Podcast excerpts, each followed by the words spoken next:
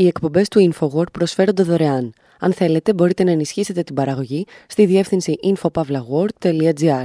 Η διεύθυνση infopavlagor.gr. Η εκπομπή InfoWord με τον Άρη Χατζηστεφάνου.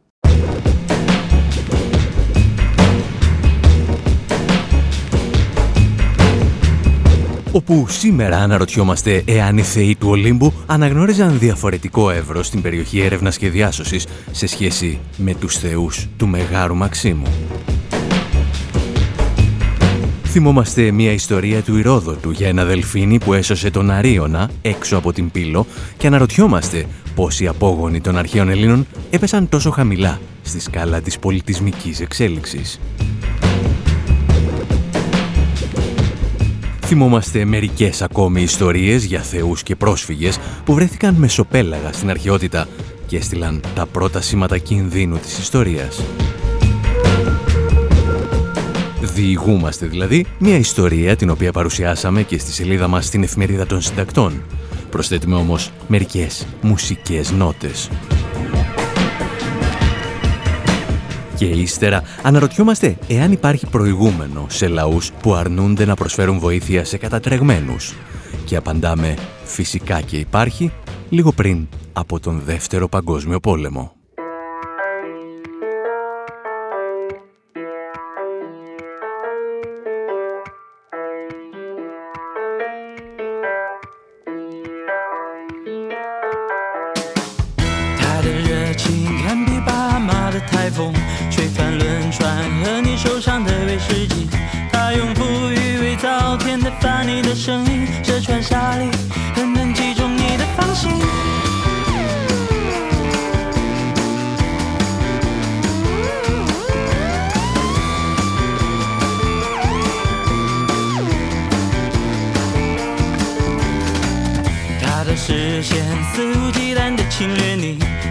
Εάν οι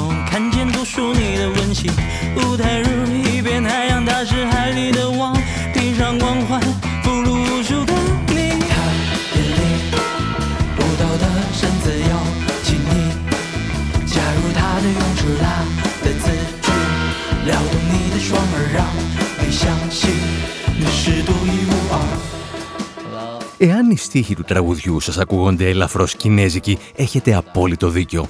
Πρόκειται για το single Dolphin in the Spring, ένα δελφίνι την άνοιξη και το συγκρότημα ονομάζεται Tse Ji, που σημαίνει στα κινέζικα χαρτί τουαλέτας. Και αν δεν μας πιστεύετε, ψάξτε το και μόνοι σας. Το τραγούδι περιγράφει την ιστορία ενός δελφινιού που κάποια στιγμή στο παρελθόν έσωσε τον Αρίωνα από βέβαιο πνιγμό. Για αυτή την περιπέτεια όμως θα χρειαστεί να ξεφυλίσουμε το βιβλίο «Ιστορίες» του Ηρόδοτου. Ο Ηρόδοτος περιγράφει την ιστορία του Αρίωνα, ο οποίος όταν κλήθηκε να απαντήσει στο προαιώνιο γιοκαρίνιο ερώτημα «Κιθαροδός ή τυμπανιστής» απάντησε με βεβαιότητα «Κιθαροδός» Έγινε μάλιστα τόσο επιτυχημένο στην τέχνη του, ώστε κέρδισε πολλά βραβεία σε ένα μουσικό διαγωνισμό στη Σικελία. Κάτι σαν τα βραβεία Άριον. Τα προβλήματά του όμως ξεκίνησαν κατά τη διάρκεια της επιστροφής του προς την Ελλάδα, όπου έπεσε θύμα ληστών στον Τάραντα. Όπως και οι σύγχρονοι πρόσφυγες, που κάποιος τους κλέβει τη ζωή μέσα από τα χέρια τους, ο Αρίωνας βρέθηκε αντιμέτωπος με ένα τραγικό δίλημα είτε θα έμενε στη στεριά όπου τον περίμενε βέβαιος θάνατος ή θα επέτρεπε στους ληστές να τον εγκαταλείψουν μεσοπέλαγα όπου αντιμετώπιζε σχεδόν βέβαιο θάνατο. Ο Αρίωνας πάντως, ενώ βρισκόταν μεσοπέλαγα, άρχισε να παίζει την κιθάρα του με την ελπίδα να τον ακούσει κάποιος και κατά προτίμηση ο Θεός Απόλλωνας. Έχουμε δηλαδή την πρώτη καταγεγραμμένη κλίση βοήθειας της ιστορίας, το λεγόμενο Distress Call, η οποία γίνεται προς ένα κέντρο επιχειρήσεων έρευνας και διάσωσης, επικεφαλής του οποίου ήταν κάποιος Απόλλωνας, χωρίς λοιπά στοιχεία. Και κάπου εδώ η ιστορία μας αποκτά ορισμένες ανατριχιαστικές ομοιότητες και πολύ περισσότερες διαφορές με το σήμερα Το κέντρο επιχειρήσεων, δηλαδή ο Απόλλωνας, ανταποκρίθηκε άμεσα στην κλίση για βοήθεια του Αρίωνα και έστειλε στην περιοχή σωστικά μέσα, τα οποία τότε είχαν τη μορφή δελφινιών. Ένα από αυτά τα δελφίνια λοιπόν έσωσε τον Αριώνα και τον μετέφερε στο ακροτήριο Τέναρο, που τότε, όπως και τώρα, είναι το νοτιότερο σημείο της Πελοποννήσου και το νοτιότερο υπηρετικό σημείο των Βαλκανίων. Σήμερα όμως το ακροτήριο Τέναρο βρίσκεται ανάμεσα σε δύο μεγάλες δημοσιογραφικές ιστορίες.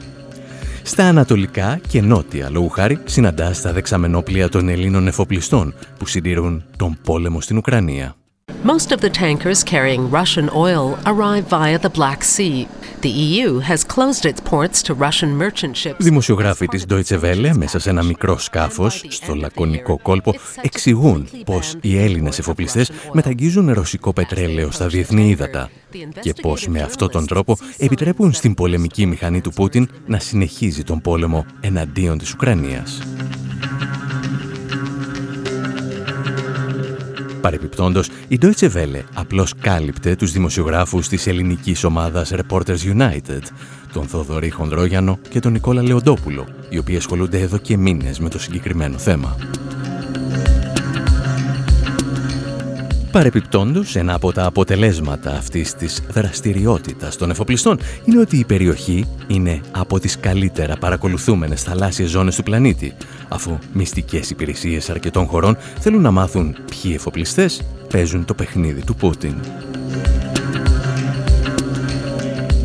Αυτά συμβαίνουν λοιπόν ανατολικά και νότια από το σημείο όπου μετέφερε τον Αριώνα το δελφίνι του Απόλλωνα. Λίγα μίλια δυτικά αυτής της περιοχής όμως σημειώθηκε τον Ιούνιο του 2023 μια από τις χειρότερες ναυτικές τραγωδίες στη σύγχρονη ιστορία της Μεσογείου. Scores of migrants drowned early on Wednesday and more were feared missing after their overloaded boat capsized and sank off Greece. It's one of Europe's deadliest shipwrecks this year. Καθώς τα διεθνή μέσα ενημέρωσης μετέδιδαν τις πρώτες πληροφορίες για τους δεκάδες και ίσως εκατοντάδες μετανάστες που βρήκαν τραγικό θάνατο ανοιχτά της πύλου, προέκυψε ένα κρίσιμο ερώτημα. Γιατί το διάδοχο σχήμα του Θεού Απόλλωνα, δηλαδή το ελληνικό κράτος, δεν ανταποκρίθηκε έγκαιρα στις πληροφορίες για το αλληλευτικό σκάφος που βρισκόταν σε κίνδυνο; Απαντήσεις ύστερα από αυτό.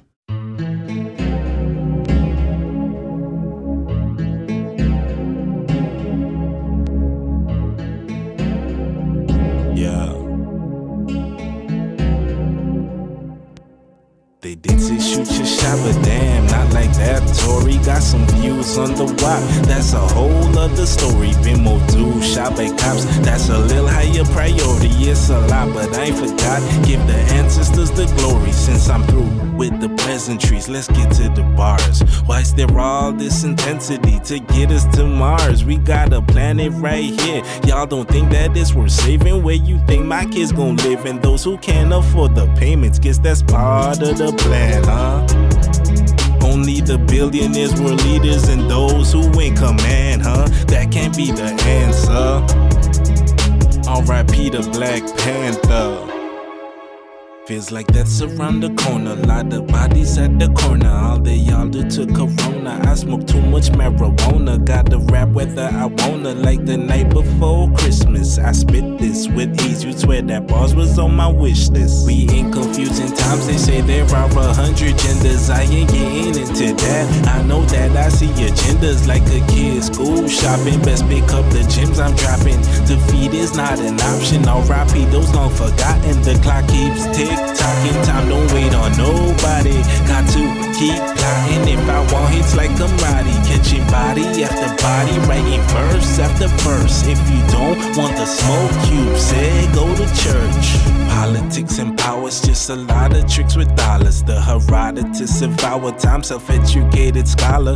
Student of the greatest scribes like Nas, Lupe and Nakala. Stigmata across the palms. Ο Μίστα Κίνγκ προσπαθεί να φανταστεί πώς θα συμπεριφερόταν ένα σύγχρονος Ηρόδοτος και αρκείται να αναφέρει ότι θα ήταν αυτοδίδακτος. Το οποίο δεν έχει και ιδιαίτερο νόημα, γιατί και ο πραγματικός Ηρόδοτος ήταν αυτοδίδακτος στην επιστήμη του. Αλλιώς δεν θα τον έλεγαν πατέρα της ιστορίας. Εμείς θα κρατήσουμε την ιδέα του Mr. King και θα προσπαθήσουμε στη συνέχεια να φανταστούμε πώς θα είχε εξελιχθεί η ιστορία του Ορίωνα εάν στη θέση του Θεού Απόλλωνα βρισκόταν μια σύγχρονη ελληνική κυβέρνηση. Πρώτα όμως θα χρειαστούμε μερικές ακόμη μικρές πληροφορίες από τον Ηρόδοτο.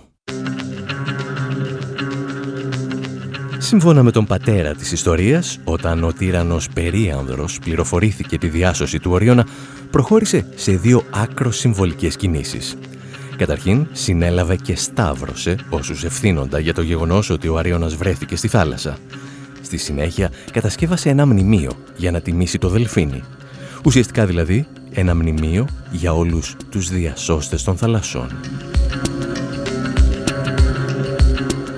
Η ιστορία του Αριώνα ήταν προφανώς και μια αλληγορία, η οποία μεταξύ άλλων αναφερόταν στη σημασία που απέδιδαν οι αρχαίοι Έλληνες στη διάσωση ανθρώπων στη θάλασσα. Παρεπιπτόντως, στην περιπέτεια του Αριώνα μετέδωσαν και ανέπτυξαν πολλοί συγγραφείς όπως ο Λουκιανός, ενώ στην αρχαία ελληνική και τη ρωμαϊκή μυθολογία συναντάμε πολλές σχεδόν πανομοιότυπες ιστορίες. Ο Μελικέρτης και η μητέρα του Ινώ, παραδείγματος χάρη, διασώθηκαν και μεταφέρθηκαν στην Κόρινθο, ενώ ο γιος του Ποσειδώνα, ο Τάραντας, διασώθηκε και αυτός από ένα δελφίνι, το οποίο ξεκίνησε από το ακροτήριο Τέναρο για να φτάσει μέχρι την Απουλία, στη Νότιο Ιταλία. Συγκρατήστε αυτή την πληροφορία γιατί θα την χρειαστούμε σε λίγα λεπτά.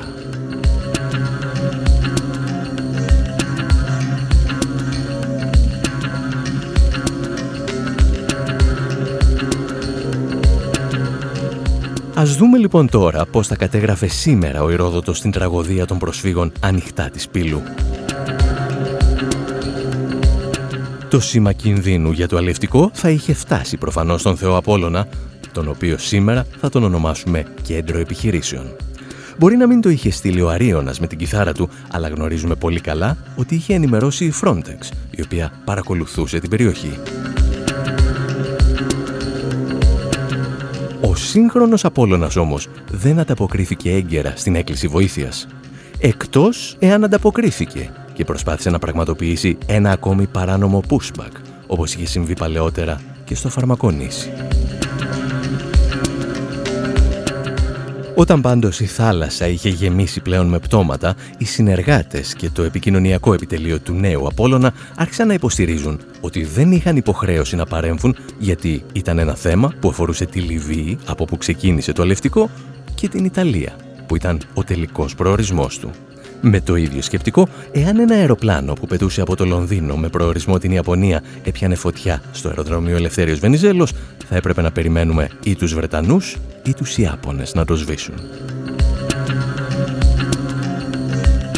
Το πρόβλημα βέβαια για τον σύγχρονο Απόλλωνα είναι ότι το αλλιευτικό βρισκόταν στην περιοχή ελέγχου και διάσωσης της Ελλάδας, η οποία παρεπιπτόντως ταυτίζεται με το FIR Αθηνών. Όλοι οι Ελληναράδες λοιπόν που αρνούνται τη δικαιοδοσία της Ελλάδας αύριο θα μπορούσαν να αμφισβητήσουν και το FIR Αθηνών, όπως κάνει παραδείγματος χάρη η Τουρκία. Αυτό έκαναν άλλωστε και στην περίπτωση των προσφύγων του Εύρου, όταν παρουσίαζαν σαν τουρκική μια νησίδα η οποία ήταν και ελληνική.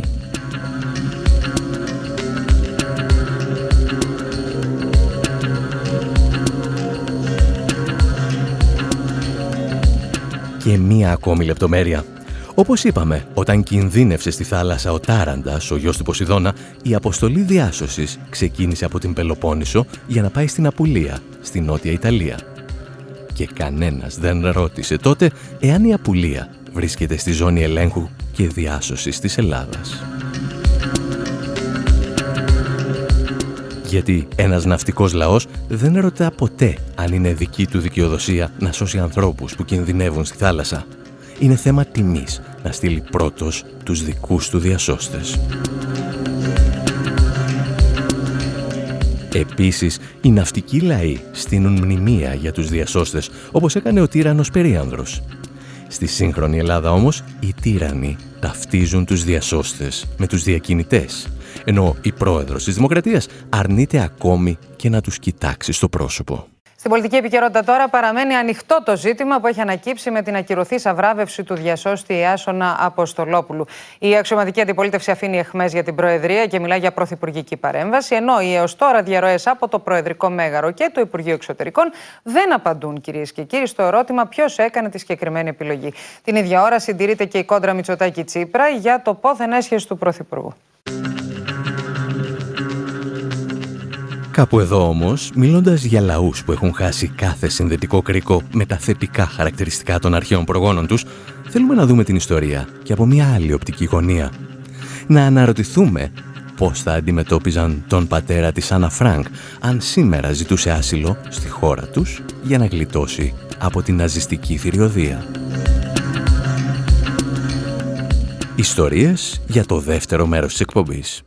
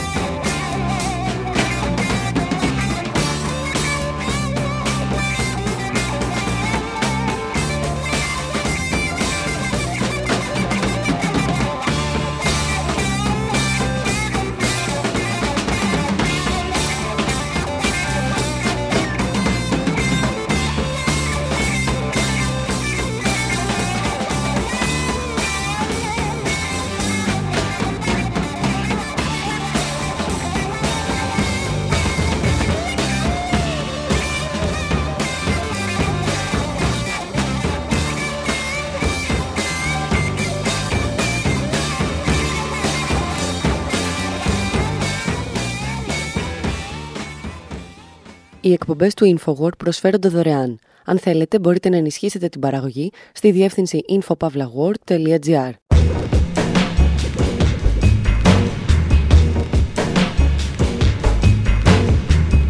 όπου σήμερα ανεβαίνουμε σε ένα μικρό καράβι να δούμε ποιος δεν θα φαγωθεί. Αναρωτιόμαστε εάν η Ευρωπαϊκή Ένωση και οι Ηνωμένες Πολιτείες του σήμερα θα έδιναν άσυλο στην Άννα Φραν και την οικογένειά της ή εάν θα τους παρέδιδαν στην αγκαλιά του Αδόλφου Χίτλερ. Υποπτευόμαστε ότι οι ίδιοι άνθρωποι που σήμερα χύνουν κροκοδίλια δάκρυα για το ολοκαύτωμα έπαιζαν κάποτε το παιχνίδι της ναζιστικής Γερμανίας.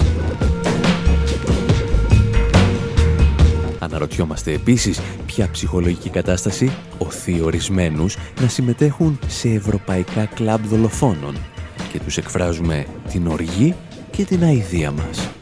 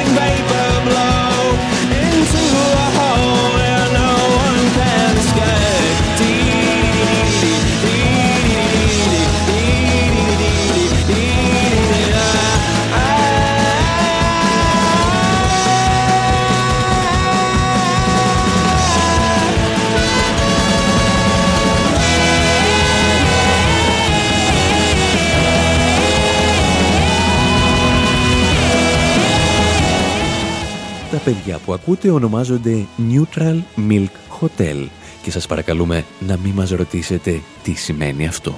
Το μόνο που ξέρουμε είναι πως ήταν μια μπάντα από τη Λουιζιάννα που όταν οι R.E.M. τους ζήτησαν να παίξουν μαζί, αυτοί είπαν όχι ευχαριστούμε. Το τραγούδι που ακούμε λέγεται Ghost και προέρχεται από το πιο επιτυχημένο άλμπουμ τους με τον τίτλο In the Airplane Over the Sea, το οποίο άλμπουμ είναι αφιερωμένο στην Άννα Φρανκ. Οι Neutral Milk Hotel τραγουδούσαν για το πιο γνωστό θύμα του ολοκαυτώματος, Τραγουδούσαν για έναν πρόσφυγα που περιπλανήθηκε σε μια Ευρώπη που με κάθε ευκαιρία της έδειχνε το δρόμο προς το στρατόπεδο εξόντωσης του Μπέργκεν Μπέλσεν. Έκτοτε εκατοντάδες καλλιτέχνες έχουν αφιερώσει χιλιάδες έργα στη ζωή και το θάνατο της Άννα Φρανκ. Και ενώ όλοι μιλούν για τους δίμιους της, κανένας δεν μιλάει για τις κοινωνίες που την παρέδωσαν σε αυτούς. Γι' αυτό και εμείς σκεφτήκαμε να σας διηγηθούμε ιστορίες από το όχι και τόσο μακρινό παρελθόν του Δευτέρου Παγκοσμίου Πολέμου. Και η πρώτη μας αφήγηση ξεκινά τον Ιούνιο του 1939 στο θάλαμο διακυβέρνησης ενός υπεροκεάνιου. Attention, Captain St. Louis. Προσοχή προς τον καπετάνιο του Σεν Λούις. Παραβιάζετε τα χωρικά ύδατα των Ηνωμένων Πολιτειών της Αμερικής. Μην προσεκίσετε περισσότερο. Μην επιχειρήσετε λιμενισμό. Δεν θα σας επιτρέψουμε. Επαναλαμβάνω, δεν θα σας επιτρέψουμε να προσεγγίσετε οποιοδήποτε λιμάνι των Ηνωμένων Πολιτειών. Επιβεβαιώστε τη λήψη του μηνύματος.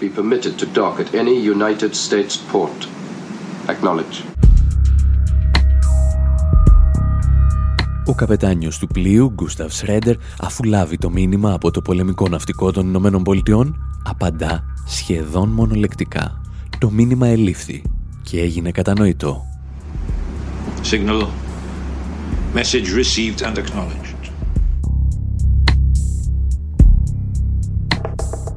Τα ηχητικά αποσπάσματα προέρχονται από την κινηματογραφική υπερπαραγωγή της δεκαετίας του 70 «Το ταξίδι των καταραμένων» με τους Max von Sydow, Όσκαρ Βέρνερ και Orson Welles. Η ιστορία όμως είναι πέρα για πέρα αληθινή και μας τη διηγούνταν πριν από μερικά χρόνια οι δημιουργοί και ενός ντοκιμαντέρ από τον Καναδά. May 1939. The ocean liner the MS St. Louis departed Hamburg, Germany, en route to Havana, Cuba, with 937 passengers fleeing. Μάιος 1939. Το υπεροκειάνιο Σεν Λούις αναχωρεί από το Αμβούργο της Γερμανίας με προορισμό την Αβάνα της Κούβας. Οι 937 επιβάτες του επιχειρούν να διαφύγουν από τι διώξει των Ναζί. Οι περισσότεροι επιβάτες είχαν στη διάθεσή τους βίζα με την οποία περίμεναν ότι θα τους επιτραπεί η είσοδος. Οι ίδιοι δεν γνώριζαν αυτό που γνώριζε η εταιρεία, ότι θα είχαν προβλήματα να αποβιβαστούν. Τελικά η Κούβα αρνήθηκε να αναγνωρίσει τις βίζες και απαιτούσε αστρονομικά ποσά για να τους επιτρέψει την είσοδο. Ο πρόεδρος της χώρας θεωρούσε ότι οι επιβάτες θα μπορούσαν να αγοράσουν προσφυγική βίζα. Την ίδια ώρα ο διευθυντής υπηρεσίας ασύλου προσπαθούσε να τους πουλήσει τουριστική βίζα. Δεν ήταν όμως διατεθειμένος να μοιραστεί τα κέρδη με τον πρόεδρο. Trying to exploit a legal loophole, offered to sell them tourist visas, but he was unwilling to share the profits with the president. Η Κούβα του 1939, που βρισκόταν ακόμη στη σφαίρα επιρροής των Ηνωμένων Πολιτειών, είναι η σημερινή Δανία, η οποία ζητά να κατάσχονται τα τιμαλφή των προσφύγων. Τα ποσά αλλάζουν, αλλά η συμφωνία είναι περίπου η ίδια. Αν δεν μας πληρώσετε, θα σας στείλουμε πίσω στην πατρίδα σας, όπου σας περιμένει σχεδόν βέβαιος θάνατος. Ορισμένοι από τους επιβάτες του Σεν Λούις επιχείρησαν τότε να αυτοκτονήσουν. Κάποιοι άλλοι πήδηξαν στη θάλασσα και πνίγηκαν στην προσπάθειά τους να βγουν στην ξηρά. Ο μόνος που έδειχνε να ενδιαφέρεται για αυτούς ήταν ο καπετάνιος του πλοίου. Αρχικά έδωσε εντολή στο προσωπικό να φέρεται στους πρόσφυγες σαν σε κανονικούς επιβάτες, ενώ διέταξε να καλύψουν και το πορτρέτο του Χίτλερ που τότε βρισκόταν σε κάθε γερμανικό πλοίο. Σε μία ίστατη απόπειρα να σώσει τους επιβάτες, απέπλευσε με προορισμό τις Ηνωμένες Πολιτείες. Εκεί όμως τον περίμεναν σκάφη του πολεμικού ναυτικού, που τους ζήτησαν, όπως ακούσαμε, να αποχωρήσει από τα χωρικά τους ύδατα. Ύστερα θα έρθει και η σειρά του Καναδά να απαγορεύσει την αποβίβαση των Εβραίων προσφύγων. Πρωταγωνιστικό ρόλο σε αυτή την απόφαση έπαιξαν και τότε οι γνωστοί άγνωστοι ανθρωποφάγοι. Anti-Semitism was on the rise in Quebec, where opposition to Ο αντισημιτισμός αυξανόταν στο Κεμπέκ. Η άρνηση εισόδου στους Εβραίους αποτελούσε πολύ ισχυρό πολιτικό εργαλείο. Είχε τη στήριξη τη τοπικής κυβέρνησης, της Καθολικής Εκκλησίας και των περισσότερων μέσων ενημέρωσης. the Catholic Church and much of the media. Το ίδιο κλίμα που τροφοδοτούσαν ορισμένοι πολιτικοί, κάποιοι παπάδες και τα περισσότερα μέσα ενημέρωσης κάλυπτε εκείνη τη χρονιά και την Ευρώπη. Το τι ακριβώς συνέβη όμως με το υπερωκεάνιο Σεν Λούις θα το δούμε αφού ακούσουμε τους Human Sexual Response να τραγουδούν και αυτοί για την Άννα Φρανκ.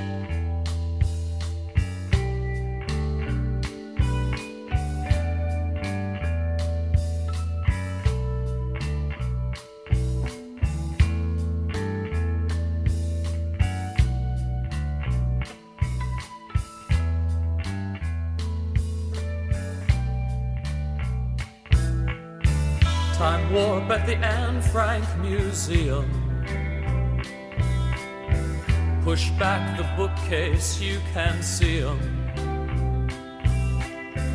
Anne's always scribbling in her scrapbook. Peek over her shoulder, take a closer look. Time warp at the Anne Frank Museum. Up the back stairway, you can see see 'em. Downstairs all day, the baker's baking. Pastries the Franks are never tasting. Time warp at the Anne Frank Museum. Time warp at the Anne Frank Museum. Time warp at the Anne Frank Museum. Time warp at the Anne Frank Museum.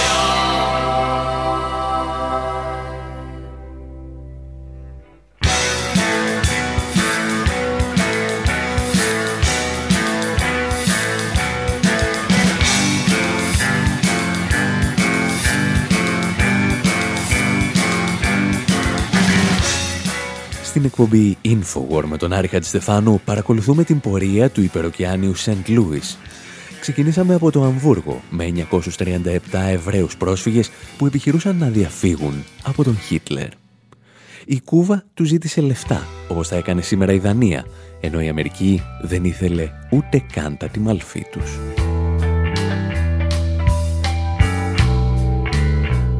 Ο Γερμανός καπετάνιος του πλοίου, αν και ξέρει ότι θα πρέπει να λογοδοτήσει στον Φίρερ, σκέφτεται ακόμη και να ρίξει το πλοίο στα βράχια, ώστε να ενεργοποιηθούν οι διαδικασίες έρευνας και διάσωσης.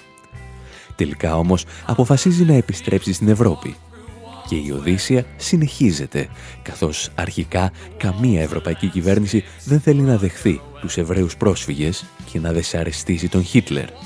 Ό,τι λαμπρότερο δηλαδή είχε να παρουσιάσει εκείνη την εποχή ο ευρωπαϊκός καπιταλισμός. While government officials discussed their true intentions privately, the public awaited a response. Ενώ οι κυβερνήσεις εξέβαζαν τις προθέσεις τους σε μυστικές συνομιλίες, η κοινή γνώμη ανέμενε την απόφαση. Οι επιβάτες του πλοίου ήταν επιθύμητοι σε όλες τις χώρες του κόσμου και αναγκάζονται να επιστρέψουν στην Ευρώπη, η οποία σύντομα θα περνούσε στον έλεγχο της ναζιστικής Γερμανίας. Την τελευταία στιγμή, τέσσερις χώρες αποφασίζουν να δεχτούν τους πρόσφυγες. Η Αγγλία, η Γαλλία, το Βέλγιο και η Ολλανδία. Ο καπετάνιος λαμβάνει τελικά άδεια ελιμενισμού στο Βέλγιο. Μόνο όμως οι επιβάτες που έλαβαν άδεια να μεταβούν στην Αγγλία ήταν ασφαλείς. Οι υπόλοιποι που βρέθηκαν στην υπηρετική Ευρώπη παγιδεύτηκαν στα δίκτυα των ναζιστών. Μόνο λίγοι περισσότεροι από τους μισούς επιβίωσαν. Little more than half of them survived.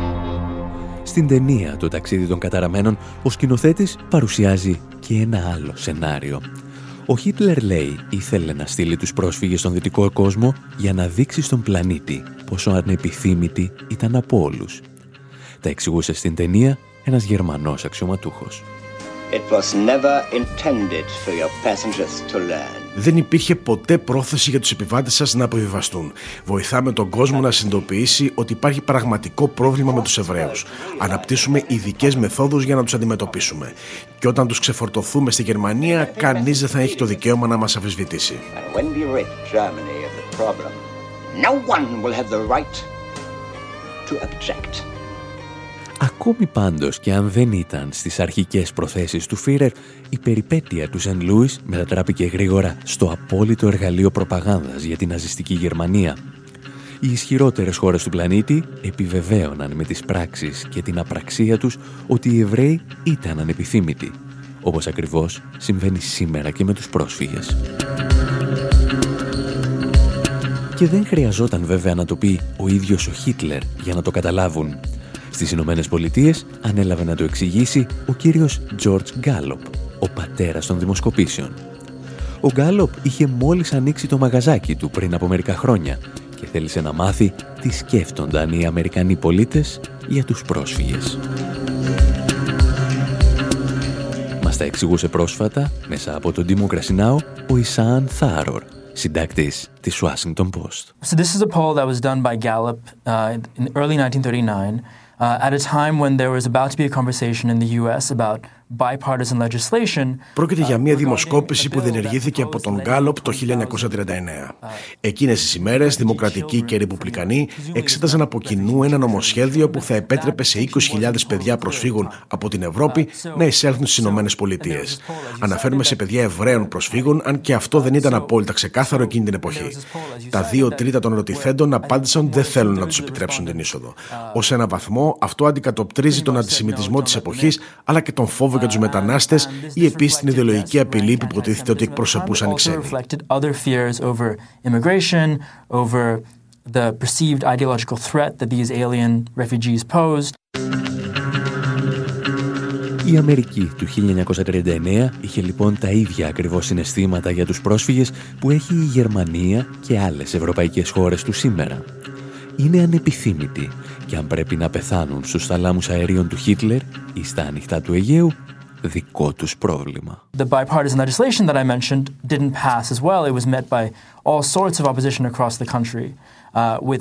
η διακομματική πρόταση νόμου στην οποία αναφέρθηκα δεν πέρασε τελικά. Συνάντησε κάθε είδους αντιδράσεις σε όλη τη χώρα, ενώ δημοκρατικοί και ρεπουμπλικανοί πολιτικοί παρουσίαζαν επιχειρήματα τα οποία ακούμε και σήμερα σε διάφορες παραλλαγές. Τότε έλεγαν ότι μαζί με τους πρόσφυγες θα έρθει και η ιδεολογία του κομμουνισμού ή ότι ανάμεσά τους θα κρύβονται ναζιστές πράκτορες που θα καταλάβουν τις ΗΠΑ. Η ίδια ρητορική του φόβου της εθνικής απειλής που ακούμε και σήμερα ακουγόταν και τότε.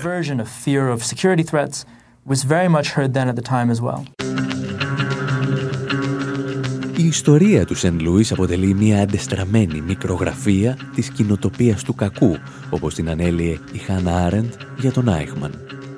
Ο αρχιτέκτονας του ολοκαυτώματος ισχυρίστηκε ότι απλώς έκανε τη δουλειά που του είχαν επιβάλει. Οι δυτικές κυβερνήσεις της εποχής ισχυρίζονταν ότι απλώς εκτελούσαν δημοκρατικά τη λαϊκή βούληση που θεωρούσε τους Εβραίους ανεπιθύμητους. Κάποιος όμως πρέπει να ευθύνεται τελικά και για το ολοκαύτωμα. Και δεν μπορεί να ήταν μόνο ο Χίτλερ. Υπήρχαν άνθρωποι που αποφάσισαν να εξοντώσουν τους Εβραίους και άλλοι άνθρωποι που δεν τους έδιναν άσυλο, γνωρίζοντας το τέλος που θα είχαν. Η οικογένεια της Άννα Φρανκ ανήκε σε αυτή την κατηγορία προσφύγων. Ο πατέρας της επιχειρούσε για χρόνια να εξασφαλίσει βίζα στις Ηνωμένες Πολιτείες για αυτόν και την οικογένειά του χωρίς όμως αποτέλεσμα. Σήμερα, σε αρκετές από τις χώρες που αρνήθηκαν την είσοδο σε Εβραίους πρόσφυγες, απαγορεύεται ακόμη και να εξετάζεις επιστημονικά το ολοκαύτωμα, εάν η προσέγγιση σου διαφέρει από την επίσημη αφήγηση. Μια αφήγηση που δίνει άφεση αμαρτιών σε αρκετούς από τους υπέτειους του φρικιαστικού αυτού εγκλήματος.